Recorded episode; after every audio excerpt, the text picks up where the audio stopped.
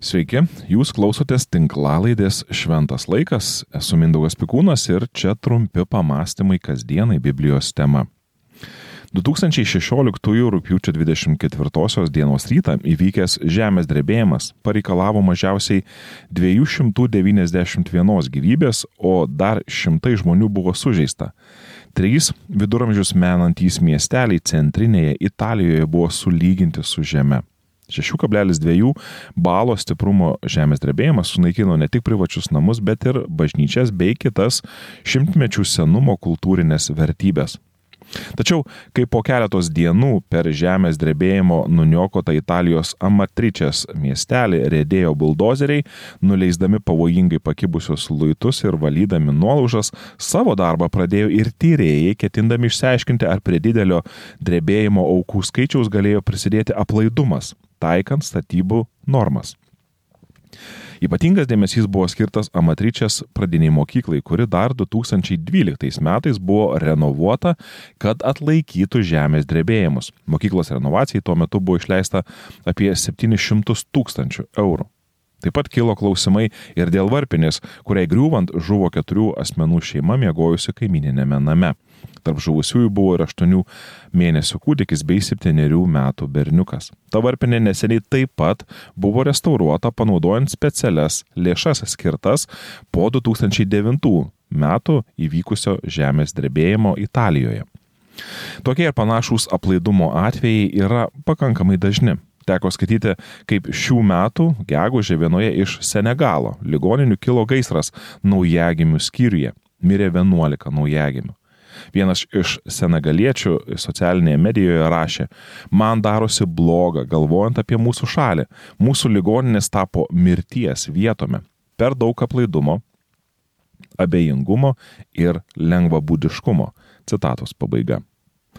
Dažniausiai, kai svarstome apie neteisingumą, mes turime omeny samoningą skriaudą - vagystės, žmogžudystės ar kitokius nusikaltimus. Tačiau aplaidumo sukelta žala irgi yra neteisingumo forma. Galbūt esate kada girdėję apie nuodėmės, kai nedarome tai, kas gera ir kai darome tai, kas bloga. Biblijoje apie teisingumą yra kalbama turint omeny dvi šio blogio pusės. Ji ne tik perspėja apie tyčinę žalą, bet ir apie nelaimingus atsitikimus dėl neapdairumo. Ne vienas iš mūsų esame gundomi darbą atlikti pusėtinai ar nelabai saugiai. Tam priežasčių gali būti daug. Nėra laiko, nepatogu prašyti pagalbos ar įsitikinimas, jog prastai atliktas darbas niekam čia nepakenks. Tačiau kompetencija Išmintis ir atidumas nėra susiję tik su darbų sauga. Tai yra dalis Biblijoje aprašomo šventumo. Jėzus mokė, jūs esate girdėję, kad protėviams buvo pasakyta nežudyk, o kas nužudo turės atsakyti teisme.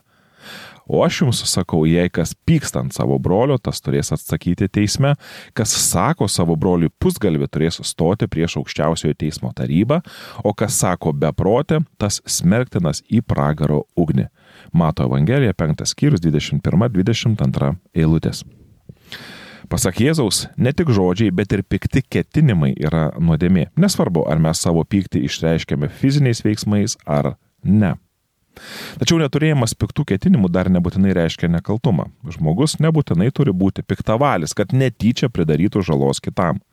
Senovės Izraeliui buvo duoti atskiri įsakymai apie netyčinę nuodėmę.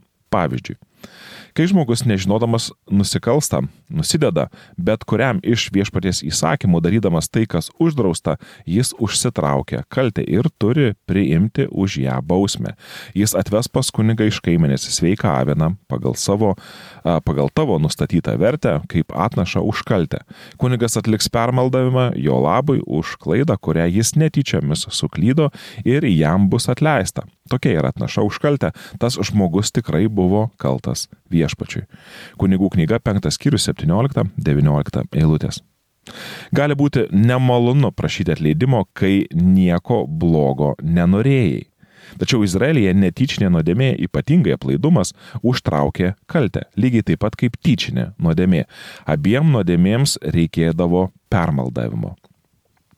Galime būti dėkingi Jėzui, nes jis mirė už žmogaus nuodėmės ant kryžiaus ir mes galime gauti atleidimą už tyčinius ir netyčinius prasižengimus, jei juos suprantame ir nuoširdžiai dėl jų gailimės.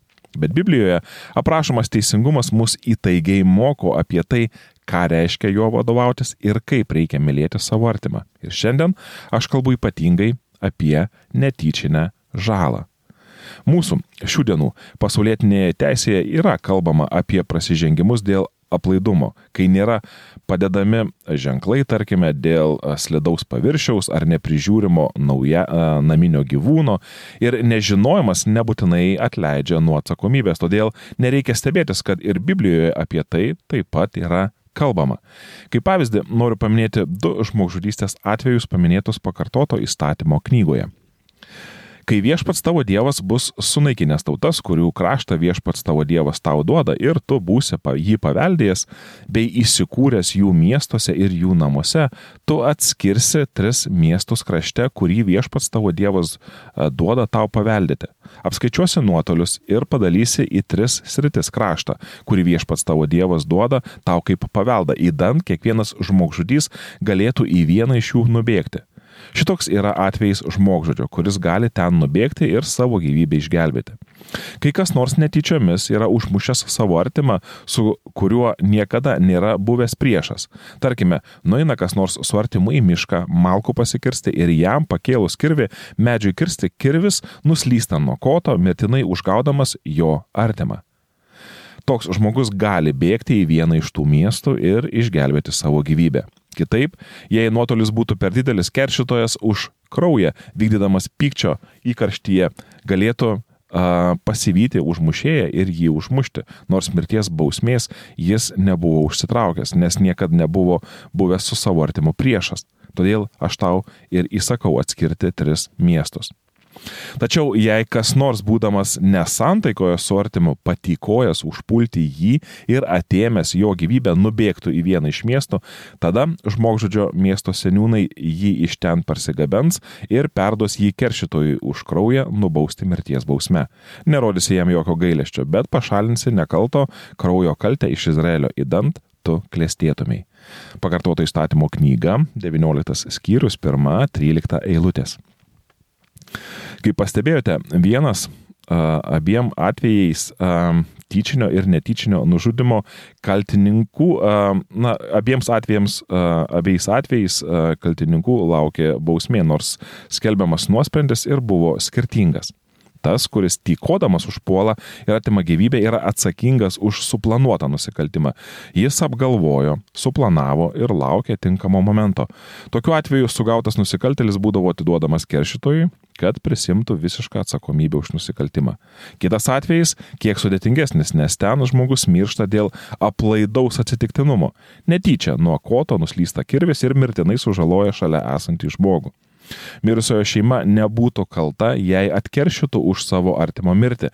Tačiau tai buvo nelaimingas atsitikimas, kadangi tai buvo nelaimingas atsitikimas, įstatymas leido Metkirčiui saugiai nubėgti į priebėgos miestą, kuriame jam būdavo garantuojamas saugumas.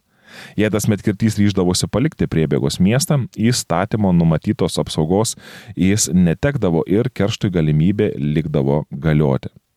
Mūsų skaityta ištrauka iš Biblijos aiškiai moko, kad moralinė atsakomybė už žmogaus mirtį yra abiems atvejais.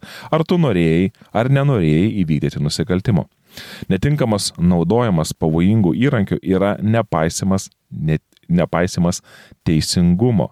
Ši mintis turėtų priminti kiekvienam apdairiai elgtis visose savo gyvenimo srityse. Žinoma, mūsų minėtas pavyzdys iš pakartotų įstatymų knygos yra tik iliustracija, kurią turėtume pasinaudoti vertindami ir kitas gyvenimo situacijas. Ir principas yra pakankamai aiškus. Nelaimingi atsitikimai dėl aplaidumo net palaiduoja nuo kalties, nors ši kaltė yra mažesnė nei samoningai suplanuoto nusikaltimo. Šis principas mus moko atlikti savo darbus atsakingai, apgalvojant visas įmanomas rizikas ir nesvarbu, ar jūs kapojate malkas, ar instaliuojate elektros laidus, rašote receptus vaistams, ruošiate maistą ant dujinės viryklės, vairuojate automobilį su priekaba ar naudojatės kokiu nors įrenginiu, atsakingas naudojimasis potencialiai pavojingu ar pavojų e, sukelti galinčių dalykų yra dalis mūsų asmeninio šventumo. Jūs klausotės tinklalaidės Šventas laikas. Tikiuosi tai, ką girdėjote, buvo tai, ko jums šiandien ir reikėjo.